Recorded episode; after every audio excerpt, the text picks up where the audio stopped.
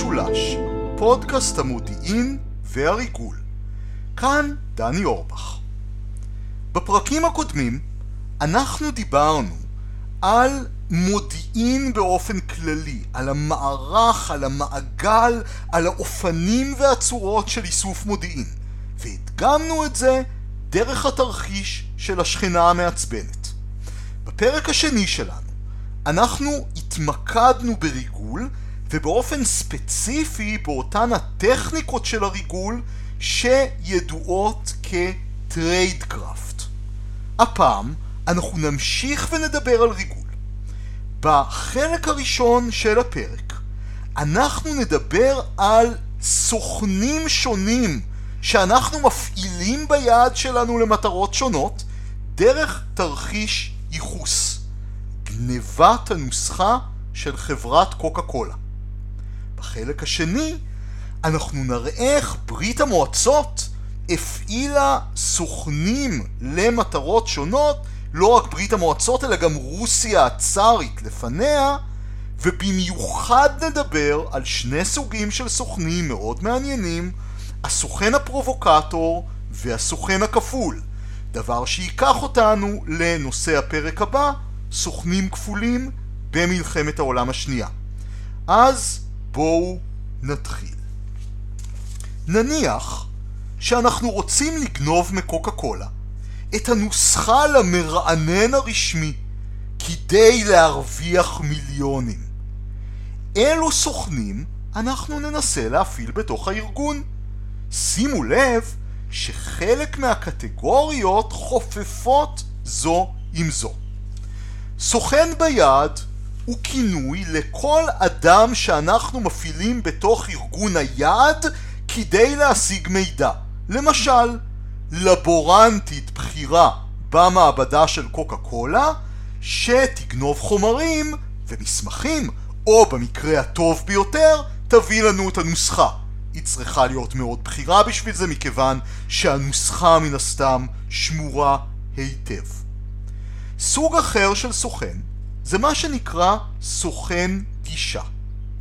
סוכן גישה הוא אדם שאנו מפעילים בתוך היעד לא כדי שהוא ייתן לנו מידע, אלא כדי שהוא יסייע לנו ליצור קשר עם אנשים אחרים שיכולים לתת לנו מידע, אבל קשה לנו להגיע אליהם בעצמנו. למשל, במקרה של קוקה קולה, אנחנו מגייסים לא את המדען הראשי או את הדירקטורים או את המהנדסים, האנשים האלה מאוד מודעים לביטחון ומאוד קשה לנו להגיע אליהם. במקום זה, אנחנו מגייסים את הבריסטה הפופולרי מבית הקפה במטה הארגון של קוקה קולה. למה? כי באמצעות מודיעין בסיסי שאספנו, ואני מפנה אתכם לפרקים הקודמים ליתר הסבר על הנושא של מודיעין בסיסי, באמצעות מודיעין בסיסי שאספנו אנחנו יודעים שכל בכירי החברה נוהגים לשתות קפה אצל אותו בריסטה ולפטפט איתו, גם על ענייני עבודה. הוא חבר של כולם. אנחנו יכולים לגייס את הבריסטה גם כסוכן ביד, ביד, למשל שהוא ימסור לנו מידע על החולשות השונות אה, או נקודות התורפה השונות של בכירי החברה כדי שנוכל לגייס אותם. אבל אנחנו יכולים להשתמש בו גם כסוכן גישה שייצור לנו קשרים עם אנשים בכירים בחברה. אנשים יותר נוטים להתחבר עם מישהו שיש להם איתו חבר משותף, וכך סוכן הגישה עוזר לנו להגיע קרוב יותר ליעד. סוג שלישי של סוכן נקרא סוכן השפעה. סוכן השפעה הוא אדם שאנו מגייסים אותו לא כדי שימסור לנו מידע על היעד וגם לא כדי שייצור לנו גישה למקורות אחרים בתוך היעד, אלא כדי שישפיע על מדיניות היעד לטובתנו. לכן סוכן ההשפעה, בהגדרה, צריך להיות אדם בכיר, שיש לו איזושהי השפעה על המדיניות של היעד. נניח למשל שאנחנו מגייסים בכיר במחלקה המשפטית של קוקה קולה. ואותו פרקליט נכלולי יוצר שינויים מתוחכמים בתוך הנהלים הפנימיים של דיני פטנטים ושל הפרוצדורה של תביעות, כך שמערך התביעות של קוקה קולה נגד זייפנים יהיה פחות יעיל. וכך שאנחנו כבר נזייף את המשקה ונקים את המפעל שלנו, יהיה יותר קשה לקוקה קולה לתבוע אותנו. במאבקים בין מדינות, סוכן ההשפעה הוא הרבה פעמים פוליטיקאי בכיר, או אפילו שר בממשלה, שאנחנו מגייסים כדי להשפיע על מדיניות היעד לטובתנו. את ברית המועצות, וגם את רוסיה של פוטין, האשימו ומאשימים שהללו מפעילים סוכני השפעה רבים, פוליטיקאים, במדינות מערביות או אנשים בחברה האזרחית שיפעלו למען אינטרסים רוסים ואנחנו יודעים שגם הסינים עושים את זה. סוכן חדירה הוא כינוי לאדם שהיה מחוץ לארגון היעד כאשר אנחנו גייסנו אותו. למשל, אדם שלא עובד בקוקה קולה, אבל אנחנו מגייסים אותו ומורים לו לבקש או להגיש בקשה להיות מהנדס בקוקה קולה כדי שאנחנו נוכל לטפח אותו ולאט לאט הוא יעלה בצמרת הארגון כדי שהוא ישמש עבורנו סוכן ביד, סוכן גישה או סוכן השפעה. לעתים בספרים שאתם תקראו על ריגול אתם תיתקלו גם במונח חפרפרת. אם נצא לרגע מהדוגמה של קוקה קולה, חפרפרת זה כינוי לעובד או קצין בסוכנות מודיעין זרה או במנגנון ממשלתי שמתגייס לעבור, לעבוד עבורנו. כלומר, אם יש קצין במודיעין הסורי שהמוסד מגייס, האדם הזה נקרא גם חפרפרת. בניגוד לסוכן החדירה, הוא לא מגיע לארגון בכוונה מבחוץ, אלא נמצא כבר בפנים כאשר מגייסים אותו. בפרק הקודם הבטחתי לכם שנדבר על סוכנים כפולים, ועכשיו אנחנו מגיעים לנושא המרתק הזה. מיהו סוכן כפול? פה ההגדרות חלוקות, וההגדרות של סוכן כפול אכן מאוד שונות ומבלבלות ממקום למקום. לפי ההגדרה הישראלית, אני מצטט פה ממילון מושגי מודיעין מ-1989, סוכן כפול הוא מקור המשרת יותר מארגון חשאי אחד. אחד מהם הוא מפעילו האמיתי, בעוד האחר הוא מפעילו המשוטה. ההגדרה של ה-CAA היא קצת יותר רחבה. סוכן כפול לפי ה-CAA הוא אדם המעורב בפעילות חשאית למען שני ארגוני מודיעין וביטחון, ולפעמים יותר, המספק לכל אחד מהם מידע על משנהו, ואשר בכוונה תחילה מונע מידע משמעותי מאוד מאלו המנחים אותו על משנהו, או שלא בכוונה מתופלל על ידי אחד מהצדדים כך, שעובדות משמעותיות יימנעו מידיעת הצד השני. נגמרה לכם הנשימה? מרגישים מבולבלים? גם אני.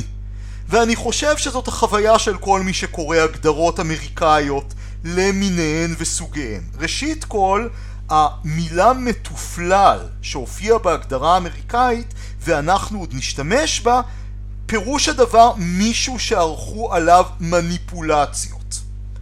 מה שאנחנו צריכים לדעת כרגע שההבדל בין ההגדרה האמריקאית לבין ההגדרה הישראלית הוא כדלהלן. לפי ההגדרה הישראלית, סוכן כפול אינו עובד קבוע בארגון מודיעין. כלומר, אם אנחנו מגייסים אה, קצין במודיעין הסורי שיעבוד עבור המוסד, לא מדובר בסוכן כפול, אלא מקסימום בחפרפרת. סוכן כפול זה אדם שהוא לא קצין בארגון מודיעין, אבל גויס על ידה כסוכן. ואז אחרי שהמודיעין הסורי למשל מגייס מהנדס ישראלי, בא המוסד ומכפיל את אותו מהנדס ישראלי ומפנה אותו לעבוד נגד סוריה. לעומת זאת, לפי ההגדרה של ה-CAA, גם קצין בסוכנות ביון, שסוכנות ביון אחרת מפעילה אותו, עוד פעם, אותו קצין סורי שהמוסד משכנע לעבוד עבורנו, לפי ההגדרה האמריקאית גם הוא סוכן כפול. עוד הבדל.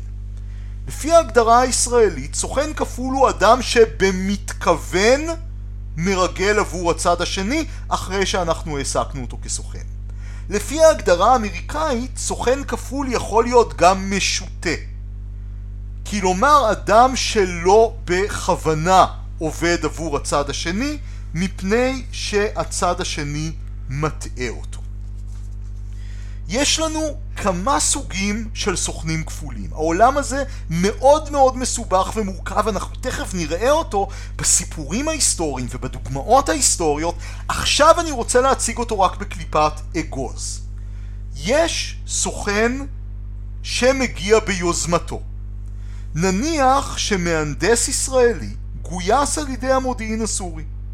והוא מגיע לישראל במטרה להתקבל לעבודה בחברה ממשלתית ולמסור מידע לסורים. אבל ברגע האחרון הוא מתחרט, מגיע לשב"כ, מתוודה על הכל ומתנדב להיות סוכן כפול. במקרה הזה הוא נקרא walk-in, סוכן שהגיע ביוזמתו.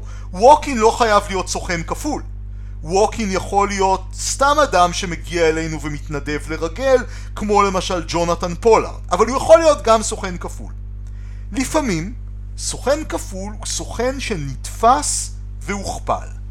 למשל, אותו מהנדס ישראלי מהסיפור שלנו, שנתפס על ידי השב"כ, והשב"כ מכריח אותו להיות סוכן כפול, קרי למסור מידע שקרי לסורים. והסוג המסובך ביותר הוא אולי סוכן משולש. קחו נשימה ארוכה.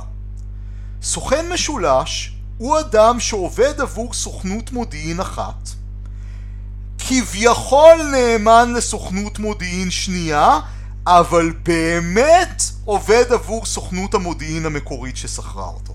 מבולבלים? כדי שזה יהיה קונקרטי, בואו עוד פעם ניקח את הדוגמה של המהנדס הישראלי שלנו. אותו מהנדס גויס על ידי המודיעין הסורי, לאחר מכן או שנתפס על ידי השב"כ או שהתנדב אה, למסור מידע לשב"כ והוא מוכפל, הוא מוסר לסורים את המידע המוטעה שהשב"כ מורה לו למסור, אבל למעשה הוא נאמן לסורים ואיכשהו מצליח לרמות את השב"כ. במילים אחרות, סוכן משולש, שעל שמו נקרא הפודקאסט הזה, הוא סוכן כפול מזויף. ולבסוף, יש לנו טיפוס מאוד מפוקפק של סוכנים, שידוע בספרות כרוכל מודיעין, באנגלית Intelligence Peddler. רוכל מודיעין הוא אדם שמוכר מידע לכל המרבה במחיר. סוג של שכיר חרב מודיעיני.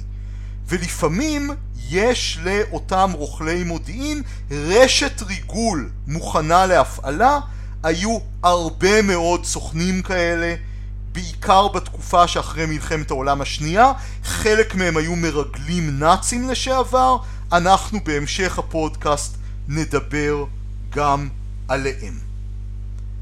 לאחר שדיברנו על כל סוגי הסוכנים הללו, אני רוצה להכיר לכם עוד סוכן שיהיה קריטי לסיפור הרוסי והסובייטי שלנו, והסוכן הזה נקרא הסוכן הפרובוקטור. מיהו סוכן פרובוקטור? בפשטות, סוכן פרובוקטור הוא אדם שארגון הביון שלנו מחדיר ליד בכדי שיבצע מעשים שיזיקו ליריב או שיגרמו ליריב לחשוף את עצמו. למשל, בהפגנות בבילעין נגד גדר ההפרדה היו הרבה מאוד שמועות על סוכנים פרובוקטורים ישראלים שחודרים לאותן הפגנות ומנסים להפוך אותן לאלימות. למשל לזרוק אבנים, למשל להתעמת עם חיילים, כדי שלצבא יהיה תירוץ לדכא את אותן הפגנות. אני לא אומר אם זה נכון או לא, למעשה אנחנו לא באמת יודעים, אבל אנחנו יודעים שממשלות בעבר עשו את זה ובשפע. למשל, ממשלות באירופה בתחילת המאה ה-20 שנלחמו בתנועה האנרכיסטית שכרו לעיתים קרובות סוכנים פרובוקטורים שחדרו לתנועה וביצעו פיגועים כדי שיהיה קל לחשוף ולדכא את התנועה הזאת. פה אנחנו מתחילים להסתבך. גם אם אנחנו מכניסים סוכן רגיל לתוך ארגון טרור, אפשר במידה מסוימת לראות בסוכן הרגיל הזה סוכן פרובוקטור. מדוע? מכיוון שהוא אה, מבצע גם פיגועים או מבצע פעולות עוינות נגדנו. בכל זאת הוא חבר בארגון הטרור. ואז אנחנו למעשה לוקחים אחריות על הפעולות שהוא מבצע והוא עלול להיחשב כסוכן פרובוקטור או לפחות בדיעבד להיחשד כסוכן פרובוקטור. דמיינו לכם סיטואציה שהשב"כ מחדיר סוכן לתוך אה, תא אלים של נוער הגבעות.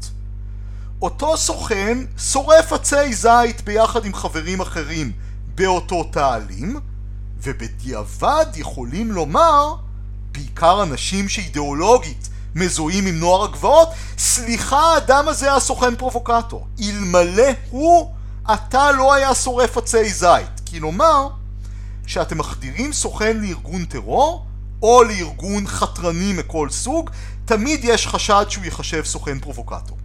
היכן הייתה לנו דוגמה לזה בהיסטוריה הישראלית החדשה? אני משער שכולכם חושבים, אם לא כבר חשבתם, על המקרה של אבישי רביב.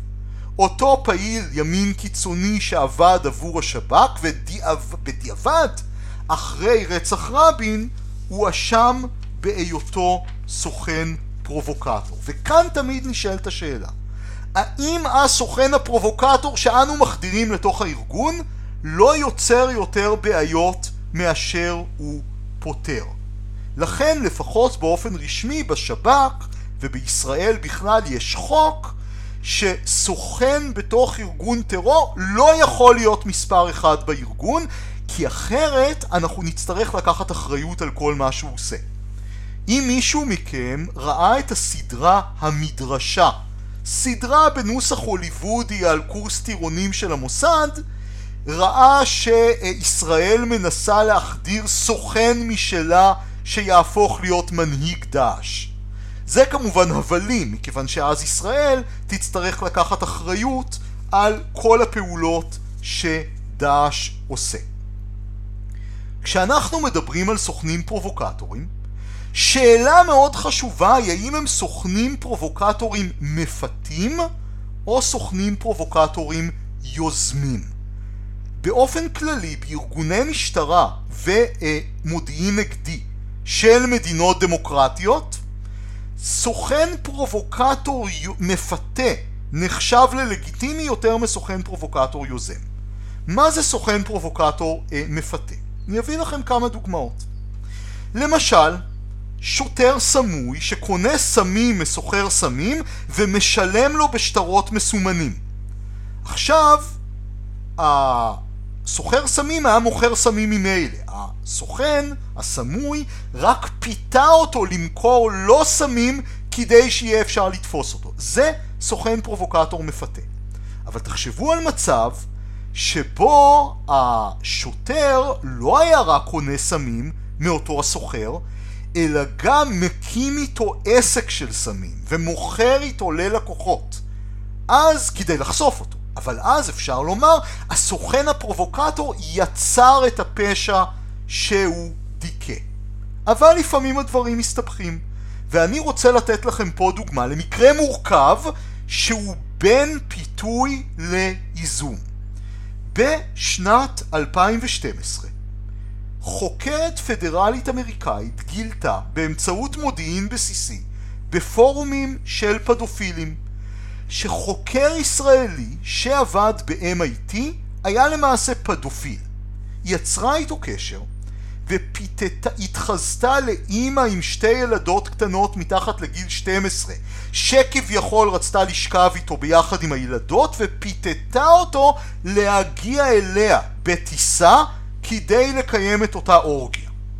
מיד שאותו מדען ישראלי נחת בשדה התעופה הוא נעצר על ידי הרשויות הפדרליות האמריקאיות למה? מכיוון שבארצות הברית יש חוק פדרלי שמי שטס על מנת לקיים יחסי מין עם קטין מתחת לגיל 12 זה כבר פשע פדרלי שאפשר לעצור אחריו ואותו אחד יתאבד בכלא. נשאלת השאלה האם הסוכנת הפדרלית במקרה הזה רק פיתתה את אותו מדען ישראלי לעשות פשע שהוא היה עושה ממילא או שבאמצעות זה שהיא יצרה את הסיטואציה, היא למעשה יצרה את הפשע. בהיסטוריה, הדוגמה המובהקת ביותר לסוכנים פרובוקטורים היא הדוגמה של רוסיה. וזאת הדוגמה שנעבור אליה בחלק השני של הפודקאסט.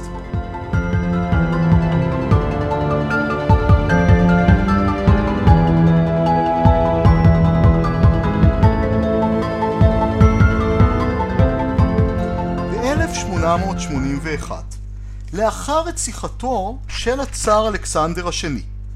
המשטרה החשאית הצארית, האוכרנה, ניסתה בכל כוחה לגייס סוכנים בתוך הארגון המהפכני העיקרי, רצון העם, נרודניה ווליה, כדי לסכן את קמפיין הטרור וההתנגשויות שלו. במסגרת אותו מאמץ, האוכרנה הפעילה סוכנים רבים בתוך אותם ארגוני טרור, וכמו שנראה, היא עשתה שימוש מאוד מאוד רב בסוכן הפרובוקטור, באופן שלא פעם ולא פעמיים יצא משליטה. למשל, בשנת 1882, מפקד בולשת מאוד מאוד מוכשר בשם סודקין הפך לממונה על הבולשת בפטרבורג, והוא הצליח לגייס בתוך ארגון הטרור המהפכני סוכן מאוד מאוד בכיר בשם דגייב, אדם שהיה כוכב עולה. לרוב יחסים בין מפעיל לבין סוכן הם יחסים היררכיים, אבל פה היחסים היו שוויוניים, ומה שקרה זה שסודייקין ודגייב כל אחד מהם עזר לקריירה של השני. סודקין עצר את היריבים של דגייב בתוך ארגון הטרור וכך אפשר לו להתקדם מעלה מעלה באותו ארגון טרור. לעומת זאת דגייב רצח במסווה של פיגועים מהפכניים את המתנגדים של סודקין במשרד הפנים כדי שסודקין יוכל להתקדם ולהיות שר הפנים. כלומר כל אחד מהם ניצל את השני כדי להתקדם בתוך הארגון שלו. עכשיו לא ברור כמה הסכם מהסוג הזה בכלל יכול להחזיק מעמד. בשנת 1883 דגייב מקבל רגליים קרות ומתוודה. מספר לחברים שלו ברצון העם על ההסכם והם מבטיחים לו חנינה אם הוא יצליח לרצוח את המפעיל שלו. דגייב מפתה את סודקין להגיע לדירת מסתור ושם המהפכנים רוצחים אותו עם לומים. דגייב עוזב את רוסיה, עובר לארצות הברית ומסיים את חייו כמרצה אלמוני להנדסה באחד הקולג'ים. וזה לא המקרה היחיד שבו שימוש בסוכן מהסוג הזה יצא משליטה. הגיבור של הסיפור השני שלנו הוא אדם בשם זובטוב, כוכב עולה נוסף במשטרה החשאית הצארית בתחילת המאה ה-20, סוף המאה ה-19, תחילת המאה ה-20. האידיאולוגיה של זובטוב היא אידיאולוגיה של סוציאליזם צריסטי, כלומר סוציאליזם קיסרי, דאגה ל, לרווחת העם בשם הצאר הרוסי. לכן הוא רוצה ליצור מנהיגים עממיים שיקימו ארגונים כביכול סוציאליסטים שיהיו למעשה נאמנים לצאר. זה דומה למה שאנחנו הגדרנו קודם סוכן השפעה. סוכן ההשפעה של אה, אותו איש משטרה חשאית בתוך התנועה המהפכנית הוא כומר אורתודוקסי בשם גאורגי גפון שמקים את אותה תנועה שנאמנה לצאר אבל דורשת דרישות למען העם. ב-1902 למעשה זובטי, זובטוב מפוטר אבל המשטרה החשאית איכשהו ממשיכה להפעיל את גפון. למה זובטוב פוטר? זוג... זובטוב פוטר משום שבעיני הממונים עליו במשרד הפנים ובעיקר שר הפנים השמרן פלווה הוא שיחק באש. הוא למעשה עודד רעיונות מהפכניים. ושימו לב איך זה מתקשר לנושא הקודם שלנו של סוכנים פרובוקטורים. ברגע שאתה מפעיל סוכן בתוך ארגון עוין, אתה למעשה לוקח אחריות על מה שהארגון עושה. ואולי הממונים על זובטוב צדקו. מפני שבתחילת 1905, מלחמת רוסיה-יפן, הצבאות הרוסיים מפסידים בחזית, תנאים כלכליים מאוד קשים בתוך רוסיה, אותו הכומר גפון מארגן הפגנת המונים בסן פיטרסבורג. עכשיו ההפגנה הזאת היא לא עוינת לשלטון המלוכני. המפגינים נושאים תמונות של הצאר, נושאים צלבים, הם מגיעים לתת עצומה לצאר בארמון בפטרבורג שהוא ידאג לרווחת העם. ההפגנה הזאת יוצאת משליטה, והשומרים של הצאר מרססים ברובים על המפגינים, מפגינים רבים מתים, זה נקרא יום ראשון העקוב מדם, ומרידות פורצות בכל רוסיה במהפכת 1905. גפון, אחרי הסיפור הזה, הופך למהפכן אמיתי, אבל חוזר לרגל עבור האוכרנה, ובסופו של דבר נרצח על ידי אדם שאולי חלקכם מכירים, פנחס רוטנברג, ידוע אצלנו כזקן מנהריים שהקים את תחנת הכוח, באותה תקופה הוא היה מהפכן רוסי. ופה אנחנו יכולים לשאול את עצמנו, האם גפון היה באמת סוכן של זובטוב שיצא משליטה? או שהוא לא יצא משליטה, אלא מה שהוא עשה היה אמור להועיל למשטר, ורק התגובה חסרת האחריות של המשמר הצארי שפתח באש על המפגינים גרם למהפכת 1905. אבל ההפעלה של סוכנים שהם ספק סוכנים ביד, ספק סוכני השפעה, ספק סוכנים פרובוקטורים, ממשיכה. עכשיו, כשאמרתי ספק סוכן ביד, ספק סוכן השפעה, ספק סוכן פרובוקטור, אתם יודעים מה אפילו ספק סוכן כפול. זה לא סתם. אני רוצה להראות לכם באמצעות הדוגמאות ההיסטוריות שהקטגוריות היפות שהצגנו בהתחלה הן ראשית כל קטגוריות תיאורטיות, אבל במציאות ההיסטורית דברים הרבה הרבה יותר מורכבים.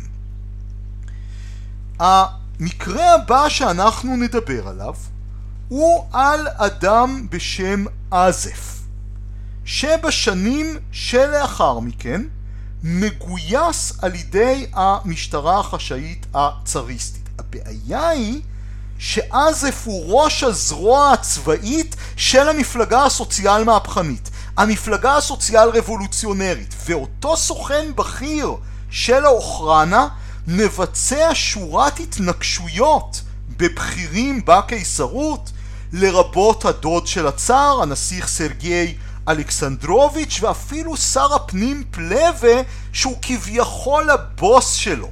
מצד שני, הוא מסייע לאוכרנה למוטט את התנועה המהפכנית על ידי כך שהוא נותן שמות ומאפשר גלי מעצרים. ופה אנחנו מגיעים לדילמה של הסוכן הפרובוקטור. האם נזקו עולה על תועלתו, וקשה לדמיין תועלת שמצדיקה אדם שמבצע פיגועי ענק ורוצח בכירים בקיסרות. השימוש בסוכנים פרובוקטורים שוכלל למדרגת אומנות אחרי נפילת המשטר הצארי ועליית ברית המועצות.